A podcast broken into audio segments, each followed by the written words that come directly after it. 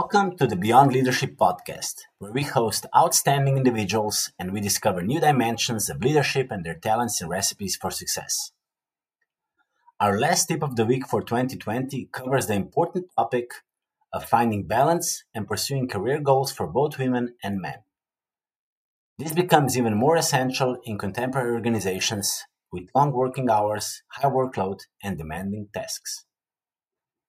Today's tip of the week is based on the article How Dual Career Couples Make It Work, written by Petriglieri, published in 2019 in Harvard Business Review.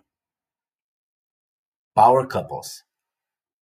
With dual career couples, both partners are highly educated, work full time in demanding professional managerial jobs, and see themselves on an upward path in their roles.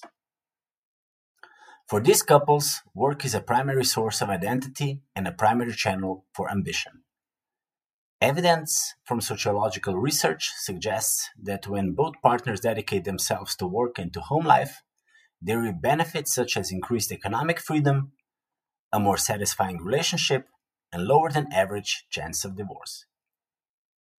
However, as their working and personal lives are deeply intertwined, Dual career couples face unique challenges such as whose job to relocate for, when it is okay for one partner to make a risky career change, or simply who will leave early to pick up their sick child. Many of these challenges are well recognized in the literature, but for couples themselves, little guidance is available. Research revealed that dual career couples overcame these challenges by directly addressing deeper psychological and social forces. Research also revealed that three transition points typically occur during the dual career couples working and love lives when those forces are particularly strong. The aforementioned three transition points are Point number one working as a couple. The first transition often comes as a response to the first major life event the dual career couples face together. This first transition is accompanied with two common traps: concentrating exclusively on the practical and basing decisions primarily on money. Point number two reinventing themselves. In their middle years, many feel a pressing need for individuation or breaking free of certain expectations in order to become the authors of their own lives, therefore, reinventing themselves. Such individual reflection and exploration can lead to additional traps such as mistrust and defensiveness and asymmetric support. Final point loss and opportunity. The third transition is typically triggered by shifting roles later in life, which often create a profound sense of loss, like careers plateau or decline, there are physical changes, and children may leave home.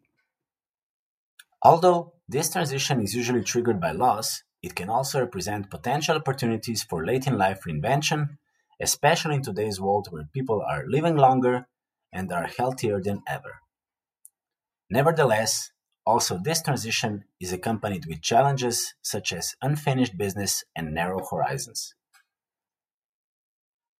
Do you ever think about reinventing yourself? In your opinion, which specific challenge is the most difficult one to overcome? In dual career relationships.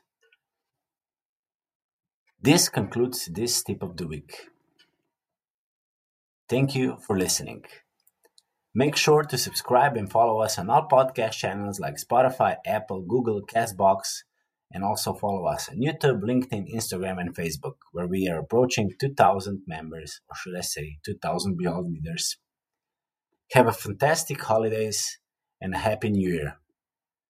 I can't wait to see you in 2021.